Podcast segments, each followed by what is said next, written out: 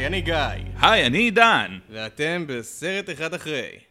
יש לומר, יגשמש. יגשמה, שמענה מגיא, אתם על אה, סרט אחד אפטר. יופי, ועכשיו שהוצאנו את המובן מאליו, כן, היינו חייבים. זה, אני באמת חשבתי על זה, אנחנו לא באמת יכולים להתחיל בלי, לא, אי לה- אפשר. בלי לדפוק אי איזה חיקוי אפשר, כזה. אי אפשר. חייבים. חובה. בורת. סרט המשך לבורת. מצד אחד זה לא יותר מדי מפתיע אותי, כי כמעט לכל דבר יש סרט המשך גם הרבה זמן אחרי שזה כבר לא רלוונטי. למה זה היה? לשעת שיא. היה סרט שלישי איזה עשר שנים אחר כך, וכולנו העמדנו פנים כאילו נורא אהבנו את השניים הראשונים, ורק אני חיכינו מאוד אהבתי את לזה. השניים הראשונים, ומאוד ניסיתי להעמיד פנים שאני אוהב את הסרט השלישי, אבל אה, לא, זה היה גדול עליי. אבל בלי קשר לשעת שיא, לא, לא יודע למה הבאתי דווקא את הדוגמה הזאת. זה מאוד תמוה שמבין כל הדברים לעשות להם ניסיון שני, בורת יהיה אחד מהדברים האלה, ואני אסביר למה זה תמוה. זה לא בגלל שהראשון היה רע או נורא או מה, להפך, זה היה, היה לו אימפקט ענקי, אבל אחד מהדברים שכל כך עבדו בבורת הראשון, זה שזה סרט שגובל בסרט דוקומנטרי וסרט מתיחות, וכל זה עובד כי כשעשו את הסרט הזה, סאשה ברון כהן לא היה אדם מוכר. היה לו את התוכנית של אלי ג'י, אבל אף אחד לא באמת הכיר אותו, אף אחד לא ידע מי זה הדמות של בורת. כשבורת ניגש לכל האנשים שהוא ניגש אליהם בסרט, הרבה מהם חשבו שהוא אדם אמיתי. וזה אחד מהסיבות שזה עבד. עכשיו, לא רק שסאשה ברון כהן עצמו מפורסם, בורת הרבה יותר מפורסם. האם הוא יצליח לעשות באמת את אותו סרט כשהדמות שלו כל כך ידועה, שבאמת, באיזה שנה זה יצא? 2006? 2007? אני חושב שזה יצא ב-2006, כן. שש. ב-2006, הייתי בתיכון אז. וואו, הייתי בחטיבת ביניים. בשבילי זה היה הגיל המושלם לראות סרט כזה, סרט שמלא בשוק היומר ומין כזה... אני אה, חושב שכל גיל שאתה תלך לראות את הסרט הזה, זה יהיה, בפעם הראשונה לפחות, זה יהיה הסרט, המוש... זה יהיה הזמן לא. המושלם לראות את זה. לא, כי לא לחטוף מסכים. את זה, ראיתי את זה בקולנוע עם אנשים בכל הגילאים, אולם מפוצץ באנשים, לא הייתה שנייה אחת שבה היה שקט. כולם במשך כל הזמן נשפכו מצחוק מגיל 12 עד גיל 112. אנחנו מדברים על שוק אימפקט ועל שוק ואליו. הפעם הראשונה שבה ראיתי את הסרט הזה, זה העיף לי את התחת כן. וצחקתי בטירוף. בפעם השנייה, אמנם צפייה ביתית, זה פחות עשה לי את זה, בגלל שבאמת, כמו שאתה אומר, ה- הערך הכי גדול שיש בסרט הזה, זה כשאתה רואה את הדבר המטורף שהוא עושה בפעם הראשונה. ואז את הדבר המטורף הבא, ואז את הדבר המטורף הבא, ואז את הסצנת מכות שלו בעירום מלא, עם השחקן השמן הזה, שטומן את הפרצוף שלו בתוך התחת שלו. זה, תקשיב, זה לנצח, אני עוד מעט אשאל אותך מה תהיה הסצנה שאתה הכי זוכר מהסרט הראשון, אבל זה בשבילי הסצנה שאני תמיד אזכור מה- מהסרט הראשון, כשהוא הולך איתו מכות וצועק עליו בעברית, ואנחנו אמורים להאמין שזה קזחית. זה כוסח אותך צלעת! אני חושב שזה די אוניברסלי שזה הקטע הכי מצחיק בסרט. הוא הזכיר את הקטע הזה כשהוא קיבל גלובוס הזהב. כן, כן. באחד הנאומים המצחיקים שלו. נכון. אה, וואו, באיזשהו ראיון הוא סיפר שלפני שהתחילו לצלם את הדבר הזה, היה לו הסכם עם הבמאי שאם הוא דופק על הצד של המיטה שלוש פעמים זה הזמן שהוא נחנק וצריך להפסיק לצלם, ובסרט... ובסרט, אם אתה שם לב, הוא באמת דופק על הצד שלוש פעמים והבמאי מתעלם. שלוש פעמים, שש פעמים, תשע פעמים, אני מת כאן! תציל אותי! והנה הוא עדיין חי. הוא חי ובועט. כן. תקשיב, חי ובועט. ואגב, בתשובה למה שאתה אמרת, למה סרט המשך? יש לי סיבות, כמו כל בן אדם שפוי אחר, לצפות ממש ממש לסרט הזה, ובעת ובעונה אחת לחשוש ממנו רצח, בגלל שסרטי המשך בדרך כלל יש להם נטייה להרוס. ופה באמת, כמו שאמרת, הוא... כבר הראה את הדמות הזאת, זאת הדמות שהוא הכי מפורסם בזכותה. אמנם הייתה לה כמה הבלחות בסדרה של אלי ג'י, אבל uh, כשאנשים ראו את זה בפעם הראשונה באמת לא ידעו מי זה ומה לעזאזל קורה פה. אבל אני חושב הסרט הראשון היה תוצר של זמנו. ג'ורג' בוש היה הנשיא, זה היה פוסט uh, 9-11. אמריקה הייתה רוויה באותו זמן בבורות, שנאת הזר, אלימות, הומופוביה, ואני חושב שהסרט הזה מאוד הציב, כמו המטרה שלו, הוא הציב מראה לאמריקה של הנה, ככה אתם נראים. עברו שמונה שנים מאז. ממשל אובמה, שאפשר להגיד עליו uh, מה שרוצים, הוא לא היה bad shit crazy כמו ממשל טראמפ, ואני חושב שהממשל של היום בארצות הברית הוליד גם את Who is America, תוכנית מתיחות נוספת שלו, שבה אומנם כל פרק הוא דמות אחרת, אבל המטרה הייתה כמו אז בבורת להציב מראה ולדפוק אותה בפנים של אמריקה. אני חושב שהיה בלתי נמנע לחזור ולהביא את בורת בגלל שסשה ברון כהן מעל הכל הוא סופר אינטליגנט וסופר מוכשר אחרת הוא לא היה יכול לעשות את כל זה ואני לא חושב שהוא היה מוציא את בורת מהבוידם אם לא הייתה לו סיבה ממש ממש טובה לעשות את זה. נראה לי אם היום אני אסתכל על הדברים הבאמת יותר גזעניים, הומופוביים, כל זה בכוונה תחילה, אבל היום נראה לי סוג ההומור הזה פחות תופס, כאילו כל ה... נקרא לזה סגנון סארט פארק, שאו שאנשים מאוד רגישים לזה, או שזה פשוט היום כבר, לא יודע, פחות מצחיק. אני זוכר כשיצא ברונו, כן. שהיה עוד ניסיון לעשות את בורת, לא אהבתי את זה בכלל. ברונו, כאילו, אתה יודע, חשבתי בהתחלה שאוקיי, אז יהיה כמו בורת רק עם בן אדם שהוא... סופר, מגה, אובר כן. הומו. Uh, העניין הוא שבדרך כלל בדיחות על הומואים, ואני לא אומר שזה בסדר, אבל בדרך כלל כשצוחקים על הומואים, מדברים על זה שהם נשיים יותר, שהם יותר אוהבים אופנה והצורה המוזרה שהיא מדברת, שהיא, שהם מדברים. במקרה של ברונו, עיקר הבדיחות היו על זה שהוא שוכב עם גברים. היה המון אימג'ים של בולבולים, וכאילו הרגשתי שזה קצת מפספס את העניין, מין כזה... זה לא בדרך כלל מה שאנשים מחפשים בהומור על הומואים, וזה זה מוזר לי להגיד, כי הרבה אנשים לא מחפשים הומור על הומואים, נקודה. והאם זה הומופובי? 100% כן. באופן כללי, אני חושב שסשה ברון כהן קצת נהנה להתמזמז עם גברים. הוא עשה את זה בכמה מקומות, בבורוט הוא עשה את זה, בברונו הוא עשה את זה, בסרט עם וויל פארל, על הנהגי מרוצים הוא עשה את זה. איזה סרט אדיר זה היה, ואך ורק בזכותו. כן. עם כל האהבה שלי לוויל פארל, זה כן. לגמרי היה הסרט של הוא... סשה ברון כהן. והוא גם העלה את הסרטים של מדגסקר, כשהוא דיבב עכשיו את קינג ג'וליאן. ומאז הוא הראה שהוא יכול לעשות סרט uh, מתוסרט לגמרי, אתה יודע, עם תסריט פרופר, הדיקטטור, סרט קורע מצחוק. עדיין לא ראיתי הדיקטטור. וואלה, כדאי לך, ממליץ. אוקיי. Uh, זה גם עובד קצת על השוק ואליו וקצת על הגזענות, אבל פה זה עם תסריט אשכרה, והרבה מזה פשוט עובד. יש שם גם את השחקן, שכחתי איך קוראים לו, זה שמשחק בברוקלין 99 וב-The Good Place, זה שאמרת שהוא צריך לדבב את קראש בנדיקוט. אה, ג'ייסון, איזה שם משפחה מוזר, ג'ייסון מנצוקס. כן. אני חולה עליו, כן, אני חולה על הבן אדם. אז כדאי לך לראות את הדיקטטור. והנה סשה ברון כהן דווקא חוזר לפורמולה שפרסמה אותו עם בורת. והוא לא עושה את זה כמובן לקולנוע, יכול להיות שהוא התכוון להוציא את זה לקולנוע, אבל תודה רבה 2020, ווואלה, להוציא את זה לאמזון פריים, אני חייב להגיד, לנטפליקס לאחרונה באמת יש תחרות קשה. אם היית שואל אותי לפני שנתיים, הייתי אומר, כן, שירותי הסטרימינג האחרים קיימים, אבל אתה באמת רוצה? היום, מה אני אגיד לך עם אמזון פריים, עם תוכניות כמו The Boys, עם הסרט של בורת, הולו עם סרט כמו Palm אה, Trees והסדרה של אנימניאקס שעתידה לצאת. אני חייב לראות את זה. לגמרי, זה נראה טוב, אבל היום וואלה, אם אתה רוצה לעשות שירות סטרימינג, לא בטוח שנטפליקס זה הדבר הראשון שאני אציע לך.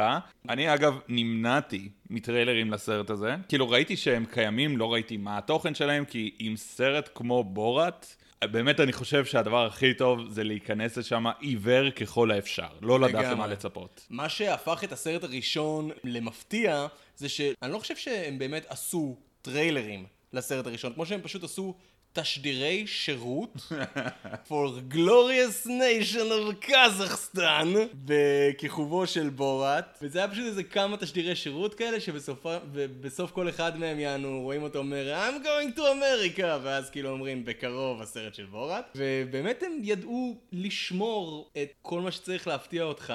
פה האמת היא שהיה אחד הסקנדלים שהסרט הזה יצר אה, כיכב במהדורות החדשות לא מזמן הסרט החדש. הסרט החדש, בלי להרוס לך או לכם יותר מדי, מעורב בו ראש העיר לשעבר של ניו יורק ועורך הדין של דונלד טראמפ בהווה. רודי ג'וליאני. רודי ג'וליאני. יהיה משובח, יהיה משובח.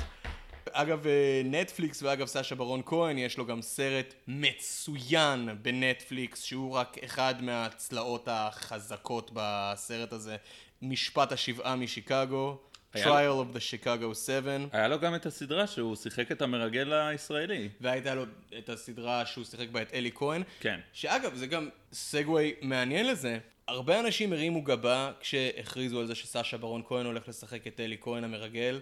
אני חלקתי עליהם מהרגע הראשון, סאשה ברון כהן הוא השחקן המושלם לשחק את אלי כהן המרגל, בגלל שסאשה ברון כהן, אין שום דרך אחרת להגדיר את זה, הוא מרגל. כל האופי של מה שהוא עושה, כל אופי העבודה שלו, זה לעטות על עצמו דמות, להשתלב ולהסתנן למקומות, ליצור שיח עם אנשים, ואז להוציא מהם דברים שהם אולי היו מעדיפים לשמור בפנים. אם אתה מרגל עבור מדינה אחרת, התפקיד שלך זה להוציא סודות מדינה, ו... אם אתה סשה ברון כהן, התפקיד שלך זה להוציא מאנשים את המיץ של הזבל ואת הבורות ואת הגזענות ואת החרא שהם מנסים לשמור. אז הוא היה המועמד המושלם לתפקיד והוא עשה עבודה מושלמת לפי דעתי. משפט השיבה משיקגו, סרט מעולה שנכתב ובוים על ידי אהרון סורקין, מי שכתב את הבית הלבן והרשת החברתית.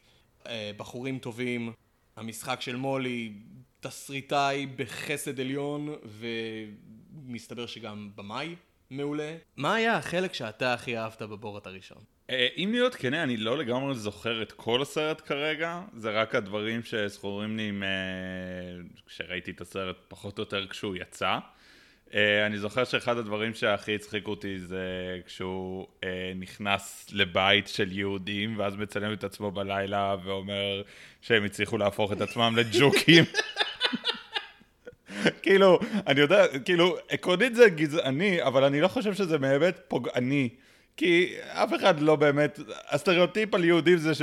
זה לא שהם הופכים לג'וקים. הוא נכנס לבית של שני יהודים זקנים, והם הכי חמודים אליו בעולם, והם נותנים לו לאכול ולישון אצלם. ותוך כדי הביקור הוא מגלה שהם יהודים, ואז כאילו הוא עושה מין סוג של קטע כזה בינו לבין השחקן השני שמשחק את העוזר שלו. היהודים מתכוונים לשחוט אותנו, מה מהר, לברוח, בוא תזרוק עליהם כסף, תזרוק עליהם דולרים. וזה היה פשוט אדיר, זה היה כן. מדהים. היה את הקטע בהתחלה שהוא מתאר את ה... העיירה שלו, ואז הוא מדבר על השכן שלו, he's a pain in my asshole. נו סולטן טוליאק ביי. He is a pain in my assholes. I have a step, he must also have a step. I buy clock radio, he cannot afford it. Great success. Great success. ואז בסוף הסרט, כשהוא כבר מוצלח והכל, הוא חוזר הביתה והוא כזה, I got iPod, he got iPod nano, everybody know, it's for girls. שלי זה כאילו hands down המכות כן, שהוא הולך עם השחקן השני בבית מלון ערומים זה היה אדיר בו אפילו זה אחד הדברים שיותר הצחיקו זה שהוא אפילו פרגן לעצמו עם הבלוק השחור של הצנזורה. כן. הוא שם את זה איזה מלבן ארוך כזה. של איזה אה, מטר קדימה כן. טוב אז גיא. כן. למה אתה מצפה מבורת 2? אני מצפה ובצדק, אני חושב שהרווחתי את הציפייה הזאתי, להיקרע מצחוק ולהזדעזע עד עמקי נשמתי, אני מפחד להתאכזב. כאילו, תמיד, זה ברור. לא, אבל, אבל פה זה באמת, כאילו, אחרי שהוא הוציא כל כך הרבה דברים, אתה יודע, טובים יותר, טובים פחות, אבל uh, תמיד הם היו רלוונטיים לתקופה, ותמיד הוא עשה את הדברים האלה כשיש לו כוונה ברורה להגיד משהו ולצאת עם איזשהו מסר. אז פה אני מקווה מאוד שהמסר לא יתפספס וזו באמת תהיה הזדמנות ללמוד משהו ושזה לא סתם הוא החליט טוב משעמם לי או טוב אני צריך כסף זמן לחלוב עוד פעם את הפרה הזאת שנקראת בורת. אני- למה אתה מצפה עידן? אני קודם כל רוצה לראות האם הסרט הזה יהיה מזעזע, יענו שוק ואליו, ואם כן, האם זה יהיה אפקטיבי. זה גבול מאוד דק, ולא כולם מצליחים לעשות את זה. יש כאלה שפשוט לא אוהבים שוק ואליו נקודה, ומבחינתם כל שוק ואליו הוא לא אפקטיבי, שזה בסדר גמור. ומעל הכל, כמו כל סרט קומדיה, אני רוצה לראות האם זה יהיה מצחיק. הערת שוליים שלפי דעתי חשובה, זה קצת אירוני שהיום אנחנו מקליטים את הפרק הזה, היום ה-25 לאוקטובר 2020. אתמול, ה-24 לאוקטובר 2020, אה, התבשרנו על מותו של אחד האבות המייסדים של סרטי המתיחות פה בארץ, יהודה ברקן, מסרטים כמו חייך אכלת אותה, המתיחה הגדולה, גברת תפתחי זה אני, מת מקורונה בגיל 75, יהודה ברקן, זכר צדיק לברכה. ובנימה, או, לא בדיוק אופטימית, אבל ובנימה זו אנחנו שועטים אל הלא נודע, אל מה שהסוטה המופרע סשה ברון כהן מתכנן לנו. הבריטי שיודע איזה שני מילים בעברית. יודע הרבה יותר משתי מילים בעברית. כן, אבל תמיד כשהוא מדבר עברית זה עברית קולקלת כזאת, זה... אבל לא משנה. זה מה קדימה. זה למצחיק. בואו נראה מה מצפה לנו בבורת 2. בורת 2, subsequent movie film. Uh, press play.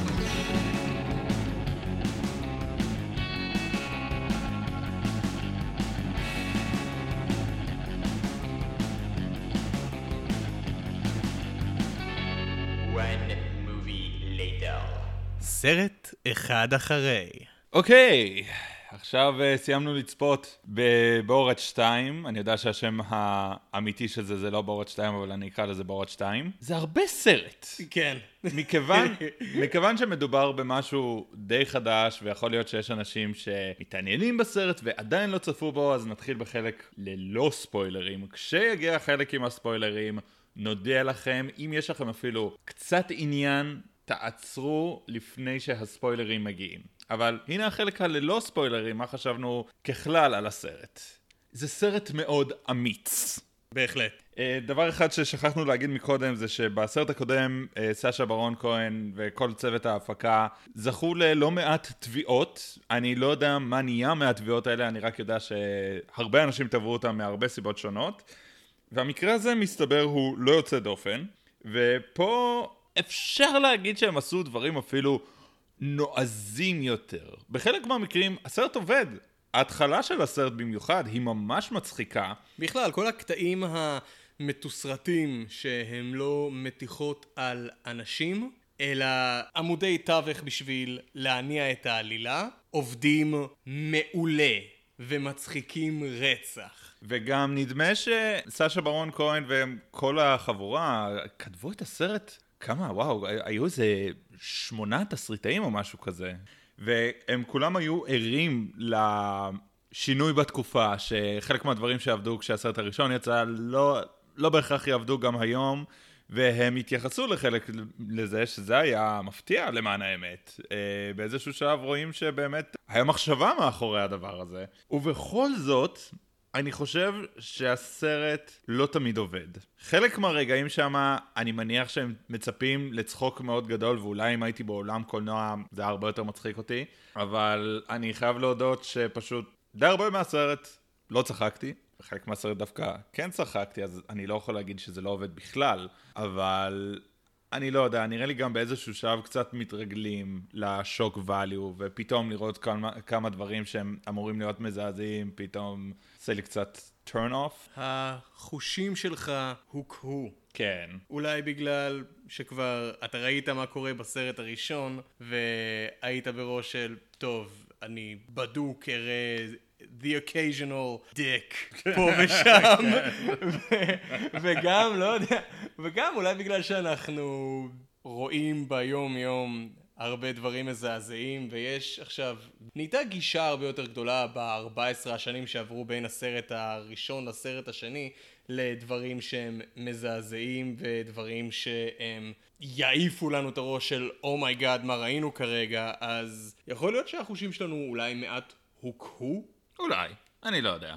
היו להם כוונות טובות, ולפעמים אפילו ביצוע מאוד מוצלח. לפני שהתחלנו את הסרט ודיברנו על הציפיות שלנו, אז אני אמרתי שאני מצפה להיות מזועזע, לצחוק הרבה, ושאני חושש מעט להיות מאוכזב. אני חושב שלא היה מנוס מלהיות מאוכזב, בגלל שעם השנים, סשה ברון כהן כבר הראה שוב ושוב ושוב כמה יש לו ביצים של שור. וכמה שהוא לא מפחד להרגיז אנשים, ובפעם הראשונה שראינו אותו עושה את זה בבורת, זה הדהים אותנו. וכשראינו את זה שוב בברונו, זה הדהים אותנו גם, וכשראינו את זה ב-Who is America, ופה פשוט אין לך את אותה תחושת סכנה שאתה מרגיש בתור צופה עבור סשה ברון כהן, ואתה רואה שהאנשים בין אם אלה הקטעים שסשה ברון כהן מופיע ומותח אותם כבורת, ובין אם הוא עוטה תחפושת, שזה עדיין מתיחה לכל דבר, אתה רואה שאנשים יותר זורמים איתו, בין אם הם מודעים למה שקורה, ובין אם הם לא מודעים למה שקורה.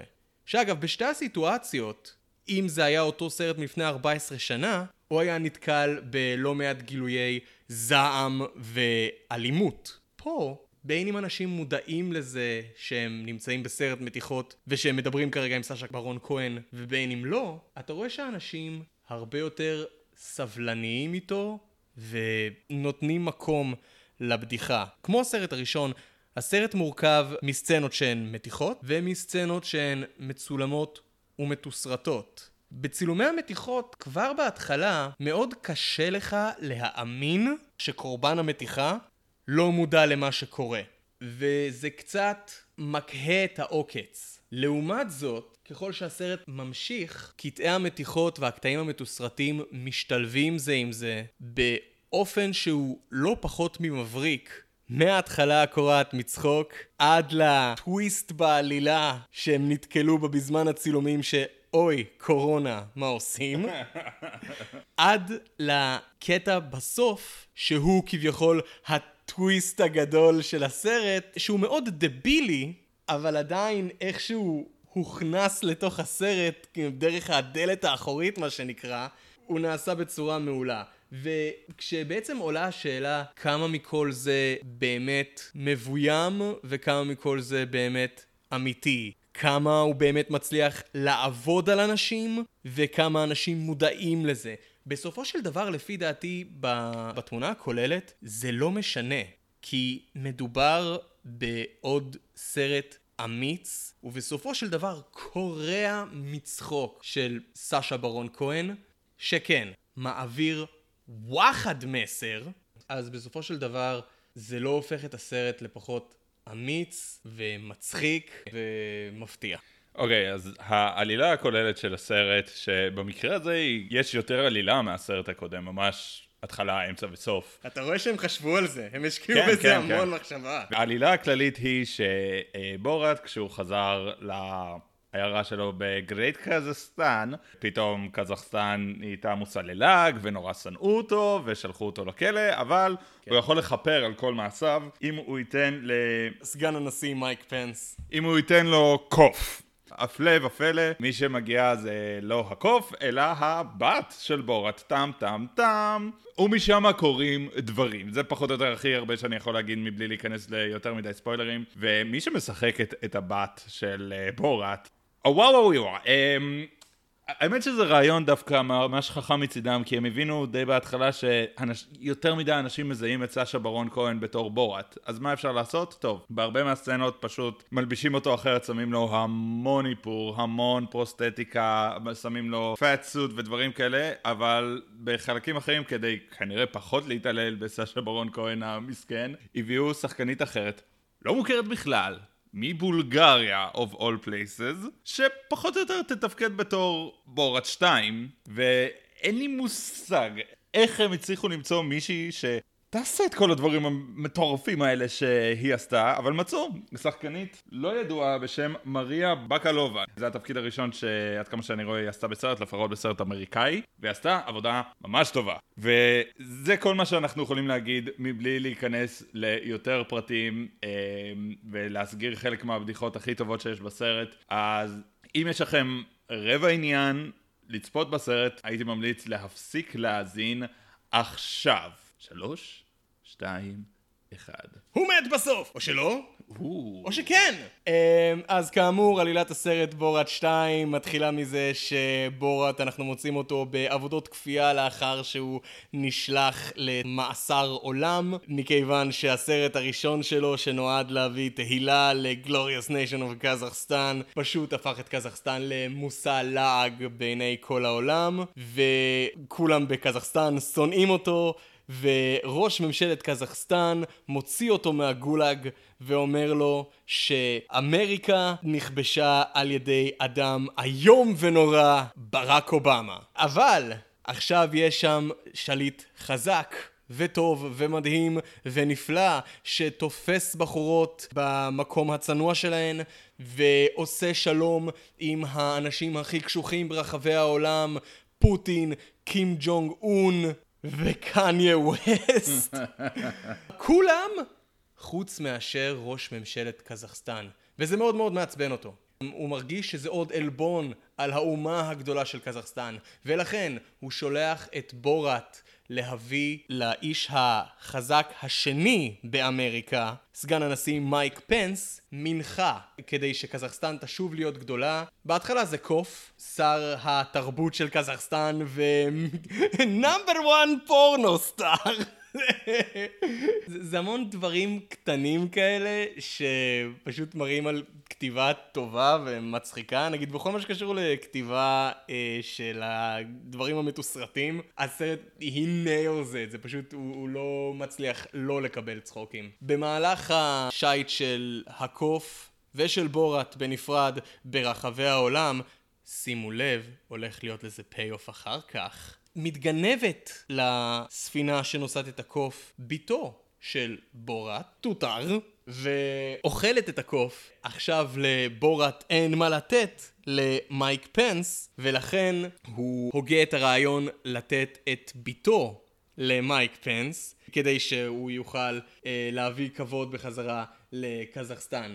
והוא מחליט להעביר אותה שורה של קוסמטיקאיות, ומכוני שיזוף והתזה דרך אה, משפיענית אינסטגרם אחת מפורסמת ודרך נשף של דביוטאנס שהדברים האלה אשכרה קיימים היום בחלקים מסוימים באמריקה. כן, זה היה מוזר. משוגע לאללה, מין סוג של father daughter uh, כזה שנועד לשדך נשים צעירות ל-eligible young men ובמהלך הסצנה הזאת בורת אשכרה שואל את אחד האבות כמה לדעתו הבת שלו עכשיו שווה ותוך כדי הבת של אותו האבא מנסה לגרום לו לא לדבר איתו בספק הוא אומרת לו תפסיק אבא אתה מביך אותי ספק אומרת לו אבא זה סשה ברון כהן תסתום את הפה המזדיין שלך וואלה הוא הולך לצחוק על כולנו וכמובן שאותו אבא עונה 500 דולר. 500 דולר. התחנה האחרונה במסע ה makeover עבור הבת היא מכון לניתוחים פלסטיים, שם היא תעבור אה, השתלת חזה, כדי שיהיו לה הציצים הכי גדולים בעולם. הוא מושיב אותה מול הרופא, כמובן הם אה, מדברים על אה, כמה שהם רוצים שהחזה שלה ייראה, כמה הערות אה, אנטישמיות נזרקות פה ושם, כאשר הבת שואלת אותו, יש לי אף של יהודייה לפי דעתך? והוא אומר לה, לא. סשה ברון כהן באותו רגע מנסה לעבור לחלק הבא, והרופא פשוט מתעקש על להכניס את ההערה הזאת של לא לא בואי אני אראה לך בדיוק איך אף של יהודי אמור ל- להיות. זה באמת אחד מהרגעים שהם דווקא נראים איכשהו יותר אמינים בסרט. לצד אישה בקונדיטוריה שאין לה שום בעיה לכתוב על אחת העוגות לבקשתו של אה, בורת כביכול Jews won't replace us שנט אמיתי שצעקו שוב ושוב באחת ההפגנות של ה-white supremacist בארצות הברית ממש לא מזמן.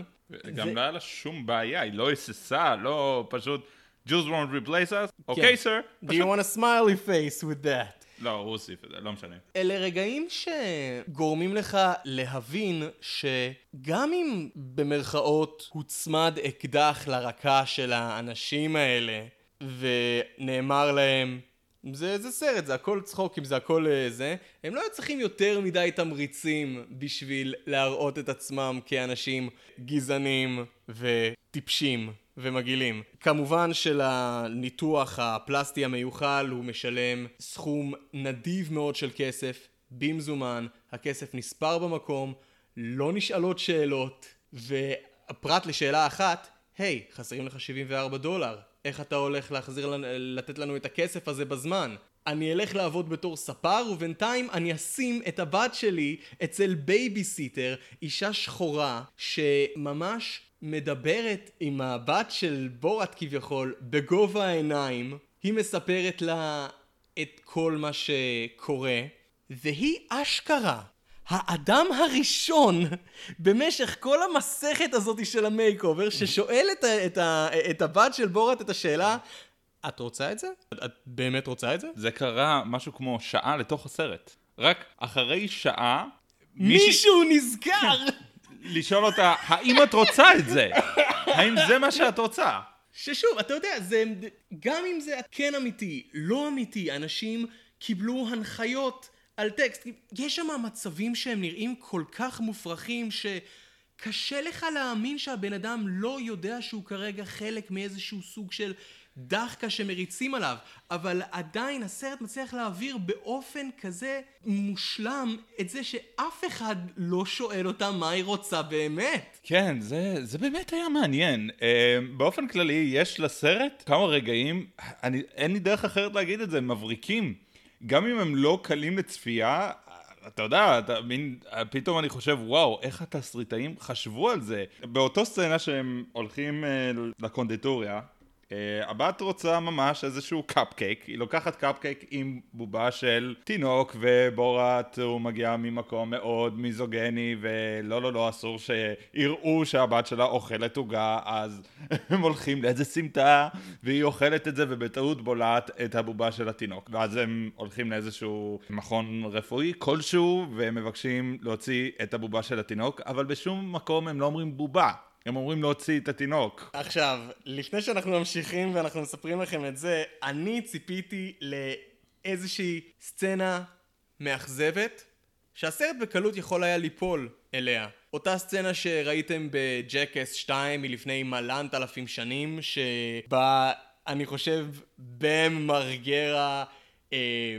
מכניס רכב צעצוע לתוך קונדום, סוגר אותו, בולע את הקונדום, אוי ואז ואבוי. הולך עם זה לרופא ומראים בצילום רנטגן את הרכב, בתור, את הרכב הפצפון בתוך הגוף של בם מרגרה, והם פשוט רוצים לראות את התגובה של הרופא. הסרט יכול היה בקלות רבה מאוד ליפול לבדיחה האומנם קורעת מצחוק הזאת, אבל מאוד ילדותית באיזשהו אופן. במקום זה, הסרט מחליט לעשות מעשה אמיץ נוסף. המוסד הרפואי שאליו בורת אה, והבת כן. שלו הולכים, הוא למעשה קליניקה רפואית שמנוהלת על ידי כומר, והם אומרים לו, תקשיב, הבת שלי סובלת, יש בתוכה תינוק, והכומר אומר, לא, לא, זה יצור חי ונושם. לא, אבל זה, זה, זה, זה, זה כל כך קטן, זה, זה נמצא בתוכה, זה כל כך קטן, זה, זה אפילו לא זה, לא, עדיין, זה, זה, זה קטן זה, ו, וזה יצור נושם, אבל כואב לי לאללה, כואבת לי הבטן, אי אפשר, זה, זה, זה, זה, זו המתנה של אלוהים. ואז בורת אומר לרופא, אבל דוקטור, זאת הבת שלי, אני, אני, אני שמתי בתוכה את התינוק הזה. ואתה יודע, אני רציתי לענג אותה, רציתי לתת לה עונג, ושמתי בתוכה תינוק. אני, אני, הייתי שובב מאוד. והם ממשיכים לנסות לפרט את הסיטואציה עוד יותר בדרכים שיגרמו לאותו כומר להרגיש כמה שיותר לא בנוח עם מה שקורה, עם כמה שהוא מתחנן בפניהם, אוקיי, תפסיקו להסביר לי את זה, תפסיקו לפרט לי את זה, אני מבין מה קרה. לא, אבל אד, אדוני, אני, אני, אני עשיתי לה את זה בסמטה האחורית, מאחורי אה, פח זבל, כי כן. כן. לא רצינו שאף אחד ידע. והוא בסופו של דבר עדיין אומר, התינוק הזה הוא מתנה מאלוהים, ואלוהים לא עושה טעויות. זה באמת setup מדהים. מבריק. מבריק לבדיחה. אני חושב שמבחינתי הנקודת שפל של הסרט, ואני רוצה להתייחס לשפל לפני שאני אתייחס לעוד כמה מהדברים הטובים, אה, זה באותו נשף שהם הולכים, יש בדיחה מאוד גדולה על זה שיש לה מחזור באותו רגע והם עושים ריקוד שתוך כדי היא מעלה את השמלה שלה ורואים את כל הדם. אה, אה, אה, זה עניין של טעם, אני חשבתי שזה היה חסר טעם. אבל זה אני. אני חושב שיש שני סוגים של בדיחות ושני סוגים של מתיחות בסרט הזה. המתיחה שנועדה לשים ללעג את הקורבן שלה באותו רגע ממש, והבדיחה שמשחקת את המשחק הארוך יותר ומשתדלת להיות קצת יותר מעודנת כביכול. פה זה פשוט סיטואציה של איזושהי אה, מסורת מאוד שוביניסטית שכמעט כבר לא קיימת בארצות הברית חוץ ממקומות, הי- הייתי רוצה להאמין, מאוד ספורים בארצות הברית.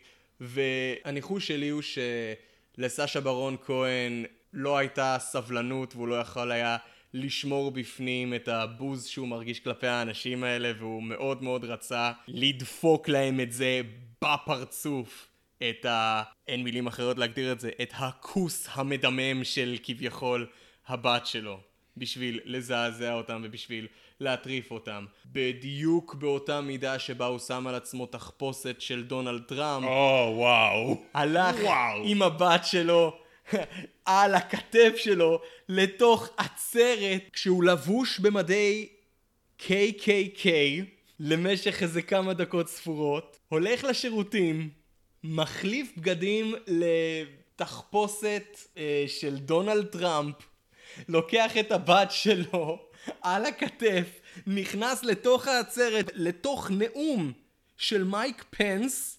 וצועק לו מול כולם, קהל, כתבים, תקשורת, מייק פנס עצמו, היי, hey, הנה הבת שלי, אני, זה אני, דונלד טראמפ, החבר שלך, אני מסדר לך את הבת שלי, אל תדאג, אני לא אקנא, יש לי את מלניה, הכל טוב.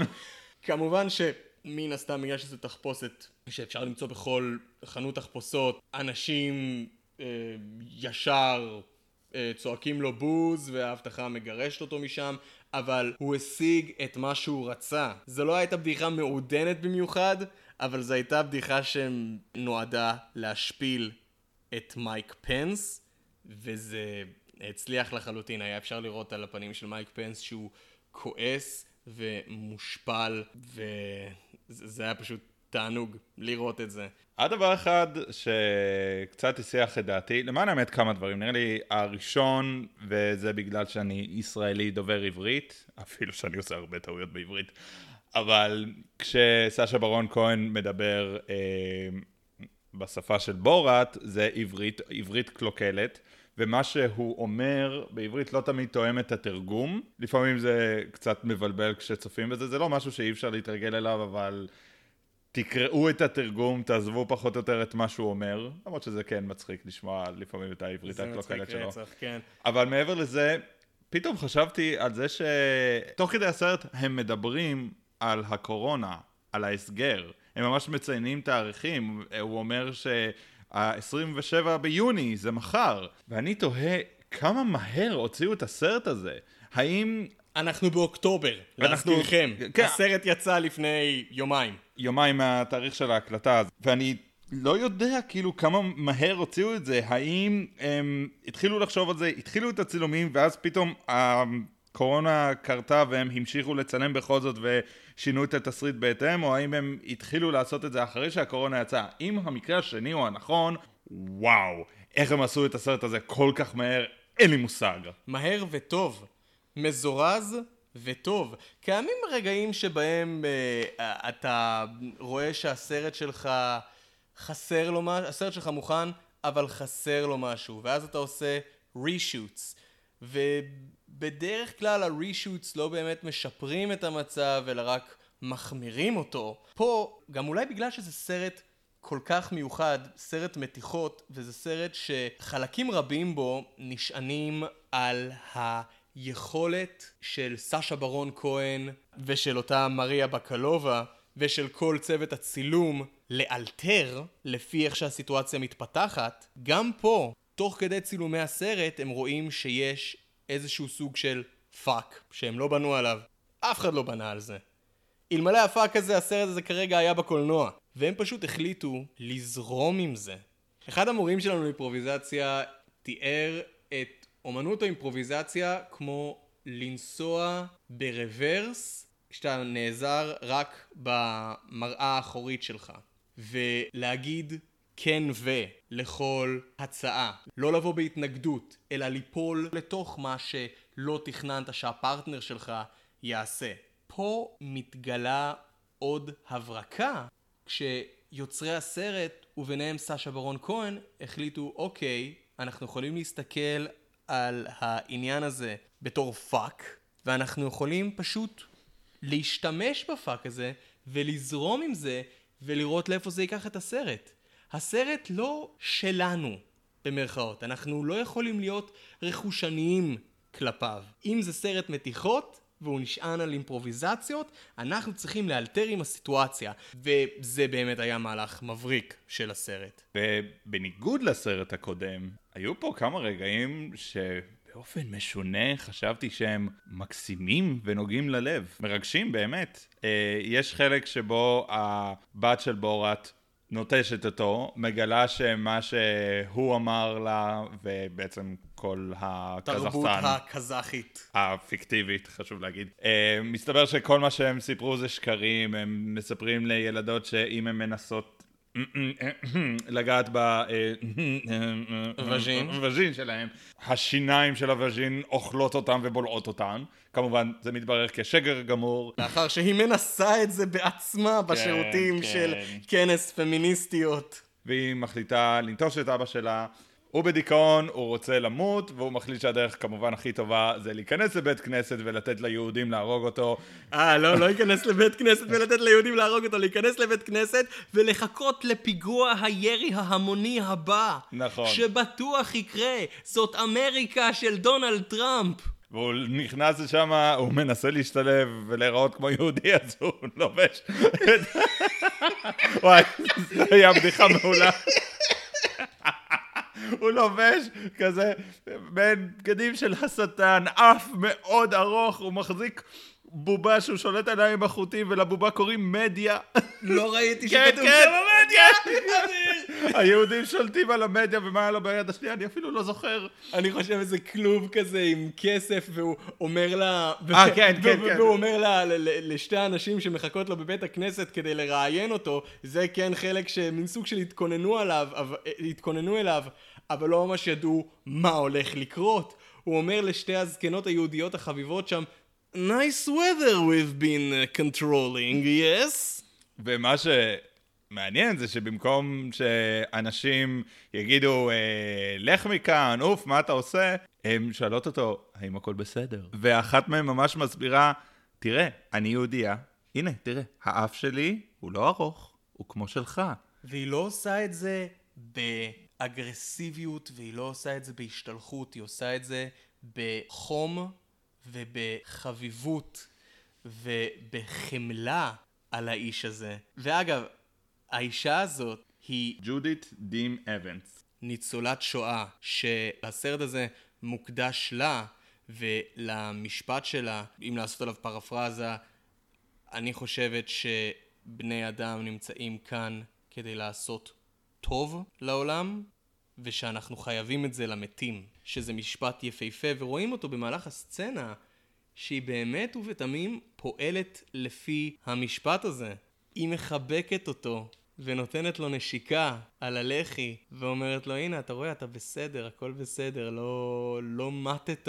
כן. איזה רגע מקסים, והיא מספרת לו שהיא ניצולת שואה, ושדברים איומים ונוראים תמיד קורים. אגב, המשפחה שלה תובעת אותו, ו- ו- בטענה שאם היא הייתה יודעת שזה מה שהולך לקרות בריאיון, היא ממש לא הייתה מסכימה לריאיון הזה. כי יותר מאוחר כשהיא מספרת לו שהיא ניצולת שואה, וכמה רגעים לפני זה הוא, הוא, הוא רואה בפייסבוק פוסטים של הכחשת שואה.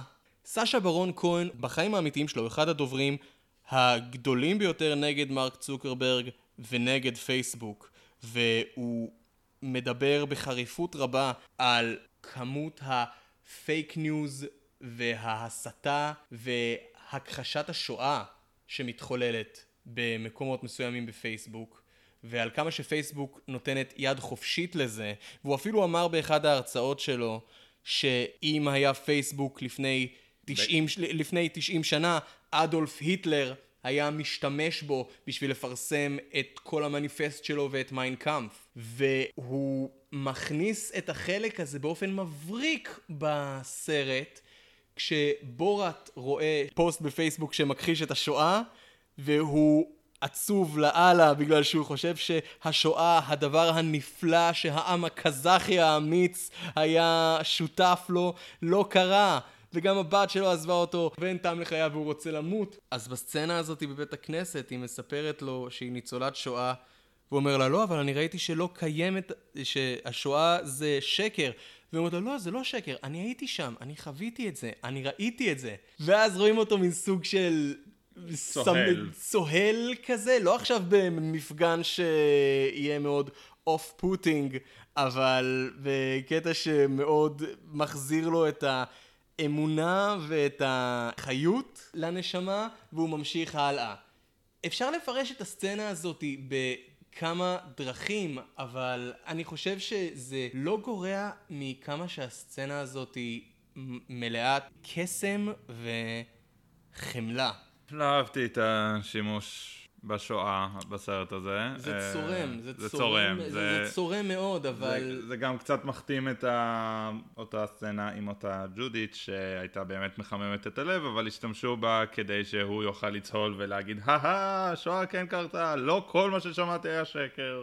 אה, בסדר. זה יעורר המון מחלוקות, אבל אני חושב שאפשר להסתכל על הסצנה הזאת בתור משהו שרק מוציא את האישה הזאת באופן יותר טוב, ואת האנשים שבאמת מאמינים שהשואה הייתה שקר, ואת האנשים שרוצים להכחיש את השואה, זה מציג אותם באור יותר מגוחך. זה מה ש... לא יודע, זה, זה מה שאני בחרתי. אוקיי, לקחת מה, מהסצנה הזאת. Fair enough. אתה צריך לפעמים לזעזע כדי להעביר את המסר שלך, וזה משהו שסשה ברון כהן מעולם לא נרתע ממנו. עוד משהו שאני חייב לציין לטובה בנוגע לסרט הזה, כשבורת צריך לתקשר עם הראש ממשלה שלו בבית כשהוא נמצא באמריקה, הוא מתקשר איתו דרך פקסים, אבל הם מתייחסים לפקסים כמו אל פשוט לשלוח הודעות בוואטסאפ. הוא שולח לו הודעה בפקס שכל תכולתה זה סאפ, יענו, מה נשמע? "אה, אה, הכל טוב, איך איתך? "אה, אה, אחלה, איך איתך? "אה, אה", שולח לו תמונה של הזין שלו. "אה, אה", סליחה, זה לא היה מיועד לך. זה היה מיועד לאחותי. ואז בורת, "אה, פישלתי. סמיילי כועס. אני חושב פה גם עוד איזשהו סוג של commentary מאוד מאוד מצחיק של למה לכל הרוחות הפקס עדיין קיים? למה הדבר הזה לא מת כבר? מי משתמש בפקס? יצא לי לעבוד באיזשהו משרד שהייתי צריך לשלוח כמה מכתבי פקס, ותאמין או לא, לאחד המקומות שהייתי צריך אה, לשלוח, ואני בכוונה לא אומר מה, אבל בוא נגיד מוסד מאוד מאוד מוכר בארץ, אז אמרו לי במקום עבודה לשלוח פקס. וחיפשתי מה המספר פקס שלהם באתר, ולא היה כתוב, אז צלצלתי אליהם כדי לשאול מה הפקס שלהם, זה קרה ב-2019, והם אמרו לי, אנחנו כבר לא משתמשים בפקס. זה מדהים. אתה יודע מה? אז עוד יותר מזה. זה קומנטרי על כמה שמוסדות מסוימים עדיין מתעקשים לטרטר אותנו עם פקסים. מוסדות חשובים. שאנחנו צריכים בשביל נקודות משמעותיות בחיים שלנו. אומרים, תשלח פקס. או, אני מצטער, אני לא יכול לשלוח פקס, כי אני לא ב-1999 יותר! בסדר, אבל הדברים האלה כן קיימים אם אתה מחפש מספיק, הם, הם לא מאוד נג- נגישים, אבל... לא, זה הם, בדיוק הקטע. הם, הם, כן- הם לא נגישים. תראה- זה נועד בשביל לייאש אותך. לא נראה לי. נראה לי בהרבה מהמקומות האלה פשוט להחליף את צורת התקשורת זה באמת תהליך מסובך, ולחלקם זה פשוט לא שווה את זה. אבל ניחא. אה, בואו נחזור רגע לבורת 2. עוד דבר אחד קטן מאוד בסרט, מראים את הבת של בורת צופה בסרט מצויר שנראה ספציפית כמו סרט דיסני, הוא מאוד מונפש כזה כמו סינדרלה, אה, ששם הנסיך הוא טראמפ. שתופס את הנסיכה by the pussy. איזה אומץ לעשות את הדבר הזה, לשלוח את זה לצוות אנימטורים, ולתת להם את ההוראות האלה ואחר כך להוציא את זה בסרט, וואו. הוא הולך לחטוף כן, כל כך כן, הרבה כן, תביעות. הוא הולך לחטוף. רק מדונלד טראמפ. עוד סצנה גדולה שם ומזעזעת שם זו הפגנה נגד חבישת מסכות לאחר שווירוס הקוביד פרץ. הפגנה שמוציאה מהבית הרבה אמריקאים ששייכים לזרם הימני רפובליקני קיצוני ובאיזשהו תירוץ עלילתי מאוד קלוש הייתי אומר, ולא אמין, שלא הופך את הסצנה הזאת לפחות מבריקה, רואים אותו בתחפושת של זמר קאנטרי מזוקן עם מבטא כאילו טקסני ששר ומסית את הקהל נגד אובמה, נגד הקלינטונים, נגד הרופא שהיה אחראי באותה תקופה על אה, הפרויקציה של אה, הקורונה בארצות הברית, על נגד הכתבים, כל מי שהוא לא אמריקה הימנית, השמרנית, הלבנה, והסצנה הזאת הייתה יכולה להיראות מבוימת, אלא אם כן שמענו כבר פוליטיקאים שמתבטאים בצחוק נגד הפעלת נשק אוטומטי על עיתונאים.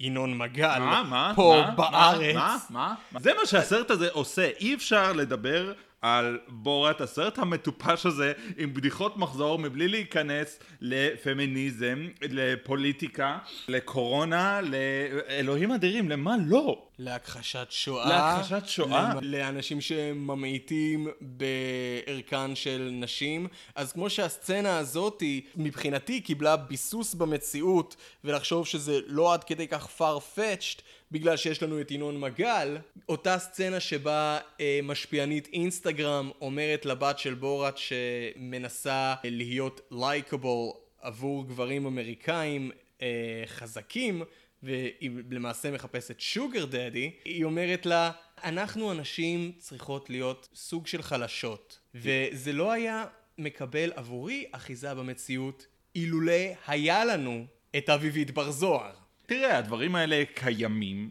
אני רוצה להאמין שהם לא נפוצים, לפחות לא כפי שהם היו לפני, לפני כמה עשורים. פייר, אני לא בקיא מספיק במידע הזה, אז קשה לי להגיד. ואני בטוח שיש אנשים שיותר מבינים ממני שרק מלשמוע את הדברים שאני אומר, הדחף שלהם אה, לתקן אותי מאוד חזק, ובבקשה, תקנו אותי. והסיום הבאמת מבריק של הסרט, אין לי דרך אחרת להגיד את זה, מסתבר שכל התוכנית של ראש ממשלת קזחסטן הפיקטיבי ששלח את בורת היה להפיץ את הקורונה. הוא הזריק לבורת את הקורונה, הסיע אותו בכל העולם, ובורת מנשק אנשים, מחבק אנשים, משתעל, מה לא, ובעצם ככה... מפיץ את הווירוס. כן, וככה הוא בעצם מתנקם בבורת על מה שהוא עשה בסרט הקודם. ומתנקם בעולם על שנהג למדינת קזחסטן. מבריק. זה, זה מבריק. באמת, זה באמת, אתה יודע מה? זה באמת היה הרגע שגרם לי להבין, אוקיי, אמיתי, מזויף, זה לא משנה. as a whole, הסרט הזה הוא אמיץ ומבריק וחכם. סצנת בונוס, כי אי אפשר בלי הסצנה הזאת, הסצנה עם רודי ג'וליאני. וואו. בבית המלון. אוי ואבוי. הייתה משוגעת, אני לא האמנתי למראה עיניי. יותר מאוחר רודי ג'וליאני תירץ את זה שהוא עוד שנייה הוריד את הבגדים שלו לחלוטין. זה בתור, אה, היה לי איזשהו ציוד הקלטה שרציתי אה, להוציא, אבל זה נראה מאוד מאוד ברור שיש לו כוונות מיניות כלפי הבת של בורת שבאה לראיין אותו. הגיע לראיון שיכורה ובהתנהגות מעט מתירנית.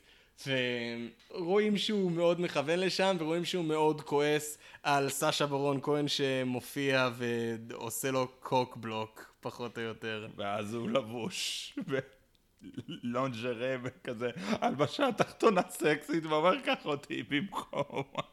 היא בת 15, היא צעירה מדי בשבילך. לא, היא מבוגרת. מדי אה, בשבילך. היא מבוגרת מדי בשבילך. וואו. קח אותי במקום, אני הייתי בכלא, הפה שלי מורגל.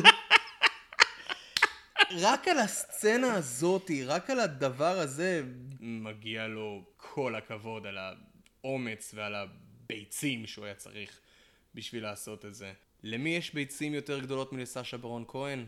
לגברת מריה בקלובה. כמות הראיונות הפיקטיביים איתה בתפקיד הבת של בורת לוקחים חלק גדול מהסרט לא פחות. היא עושה עבודה מצוינת, לא פחות ממנו, והיא שחקנית מעולה, זה באמת הסרט האמריקאי הראשון שהיא עושה, חוץ מזה היא עשתה כל מיני פרויקטים בבולגריה, ואני באופן אישי ממש מחכה לראות מה היא תעשה הלאה בקריירה שלה. יכול להיות שזה היה אה, התאבדות מבחינת קריירה, כי יכול להיות שלא ירצו להעסיק אותה אחרי הדבר הזה, אבל אי אפשר לדעת. אחרי שקזחסטן עוברת שינוי וזה כבר לא מקום שוביניסטי, הם מחליטים שבמקום לשלוח כלות הם שולחים חתנים. אז הם שולחים ילדים, טינג'רים, וכתוב למשלוח עבור קיי ספייסי. יש את הבדיחות המעודנות יותר, יש את הבדיחות המעודנות פחות, יש את האנשים שסאשה ברון כהן רוצה לגחך עליהם ולתת לה, לתמונה הגדולה בסופו של דבר לצחוק עליהם, יש אנשים שהוא רוצה לפגוע בהם באופן מיידי. קווין ספייסי זה אדם שהוא רצה לפגוע בו באופן מיידי, וזה היה קורע מצחוק. אז גיא, לסיכום, אוקיי, אה, קודם כל, האם זה ענה על הציפיות שלך לסרט? זה ענה על הציפיות שלי. כאמור, הציפיות שלי היו לצחוק כמו מטורף, לחוות זעזוע קל ולצאת עם מסר, והחשש שלי היה להיות מאוכזב. גם החשש שלי קיבל איזשהו סוג של מענה, אבל זאת אכזבה שאי אפשר היה למנוע. לפי דעתי. אבל בסופו של דבר, במכלול הגדול, זה באמת לא מוריד מכמה שהסרט הזה קורע מצחוק ושערורייתי ואמיץ ומעביר מסרים חשובים. אני רציתי לדעת האם זה יהיה מזעזע ואפקטיבי. זה היה לעיתים מזעזע, זה היה יותר אפקטיבי ממה שציפיתי, ואיכשהו פחות ממה שציפיתי. קשה לי להסביר את זה, זה גם וגם. האם זה יהיה מצחיק? כן ולא. באופן כללי, הסרט הקודם היה יותר דבילי. היה יותר כיף לצפות בו עם כמה חברים על בירה ופיצה. הסרט הזה, בעוד שהוא עובד בחלקים מסוימים, אני חייב להגיד שהוא פחות מצחיק מהסרט הקודם, וחלק מהבדיחות שם פחות עובדות. האם אני ממליץ על הסרט הזה? כן, אבל תבואו עם ראש פתוח. עד כאן סרט אחד אחרי, תודה רבה שהצטרפתם אלינו. כל הפרקים שלנו זמינים בפייסבוק ובספוטיפיי. אני הייתי גיא. אני הייתי עידן. יאללה ביי. ג'ינקוי. ג'ינקוי!